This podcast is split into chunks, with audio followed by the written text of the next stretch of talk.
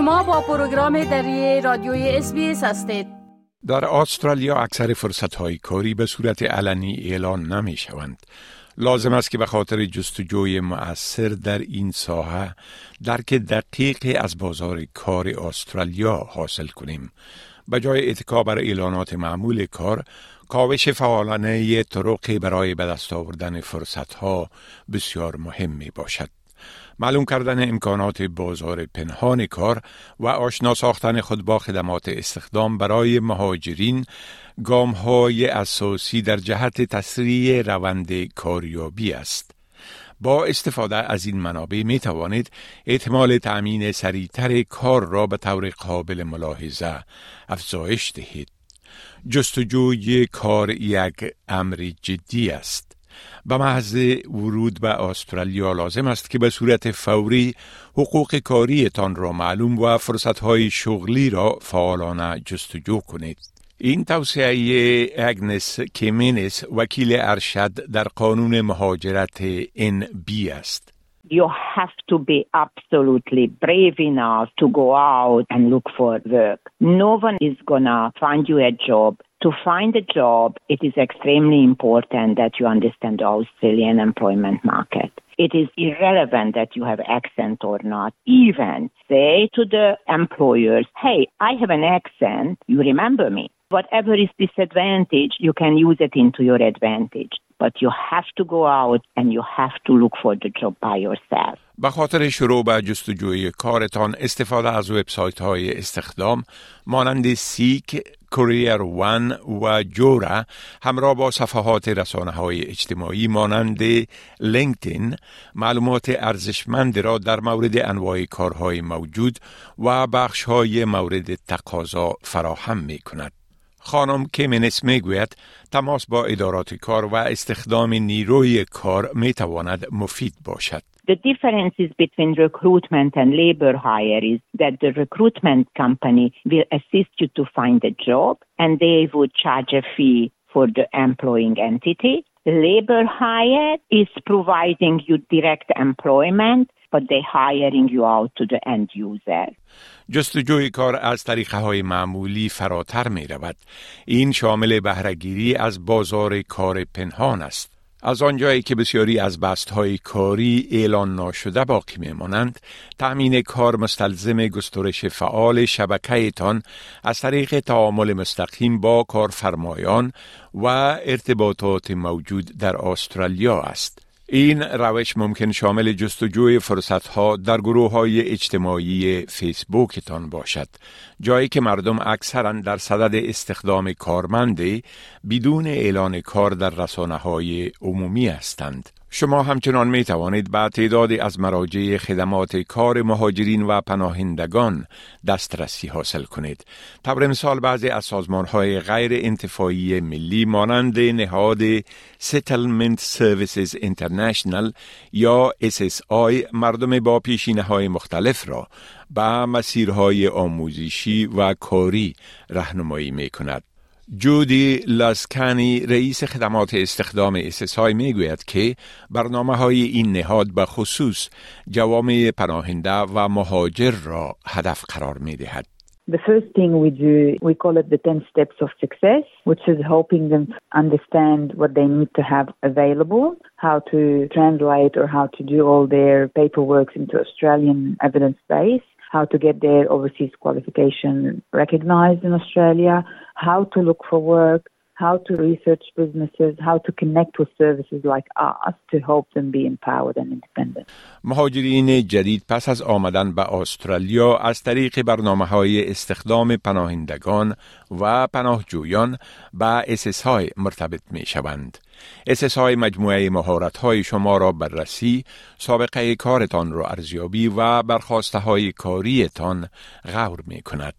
مردم از طریق این برنامه ها می آموزند که چگونه سابقه تحصیلی و کاری یا ریزومهشان را مطابق با میارهای استرالیا تهیه کنند و درک عمیقتری از بازار کار به دست آورند. خانم لسکانی توضیح می دهد که اگر شغلی در خارج از کشور داشتید اسسای می تواند رهنمایی کند که چگونه آن شغل ممکن در استرالیا توضیح یا با فرصت های موجود در این کشور مطابقت داده شود. For example, if you're a mechanical engineer in Middle East working on multi-billion projects, how can you get your foot in the door? Can you start as a project manager? Can you start somewhere else while we go through all the other steps of getting overseas qualification recognition, working on improving English at work, working on building confidence, working on building social network? Because at the end of the day, we all know you find the job, the job doesn't find you in a way, and it's who you know and how to actually navigate everything, what makes you successful.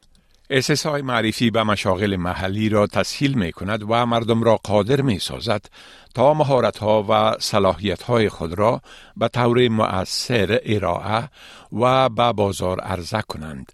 هدف این حمایت کمک به تازه واردان در ایجاد زمینه ها و ارتباطات متقاعد کننده در بازار کار محلی است.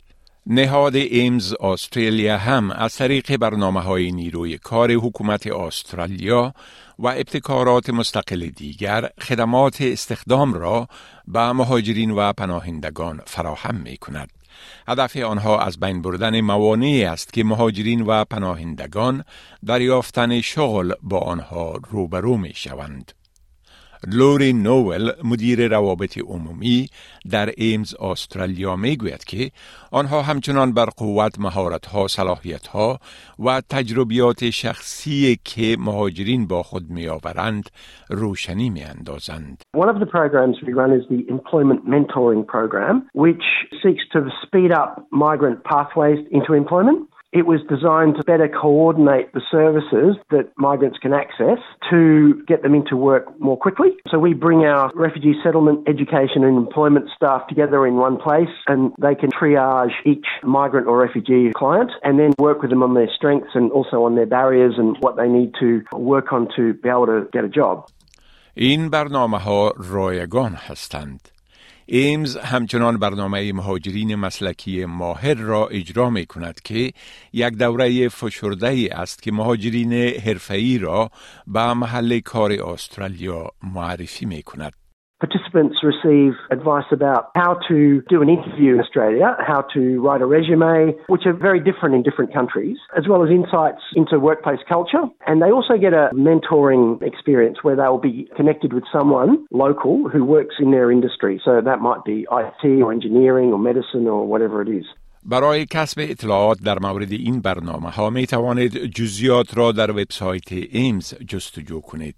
اگر شما زنی هستید که درباره کارهای حرفه‌ای معلومات می خواهید، Connecting Women to Trades یک طرح ابتکاری حکومتی ایالت نیو ساوت ویلز است که از طریق اسسای اجرا می شود و جودی لسکنی از اسسای می گوید که این ابتکار توانایی و آگاهی را هم برای مشاغل و هم برای زنانی که وارد مشاغل یا بخش ساختمان می شوند ایجاد می کند.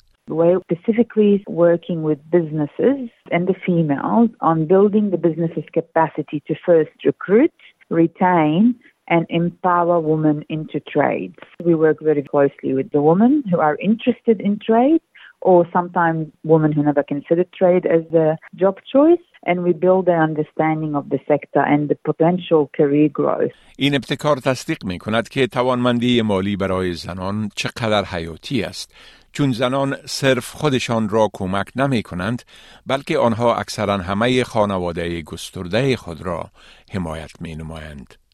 حضور فزاینده زنان در مشاغل حرفه‌ای نشان دهنده یک تغییر اجتماعی اساسی است و این ساحه کار را به جنبه ارزشمند برای کسانی تبدیل می کند که در جستجوی فرصتهای کاری هستند. یا شاید شما به کار در بخش های مراقبت و مهمان نوازی فکر کرده اید. ایمز استرالیا آموزش های حرفه‌ای را در این زمینه ها فراهم می کند. اگنس کیمنس می گوید که با انجام چند ماه کار داوطلبانه می توان امکان به دست آوردن کار را نیز افزایش داد. وقت شرکت از کار و تعهد شما راضی باشد ممکن است یک کار با حقوق به شما پیشنهاد شود خانم کمنس پیشنهاد می کند که در مورد مقدار حقوق تحقیق کنید One of the most important websites, which also us as a migration firm using for any visa application, is PayScale. It provides information about a average salary level for each occupation. This is very, very helpful when you go out to the big employment world in Australia and you're looking for a job. You will understand where can you start negotiating your salary.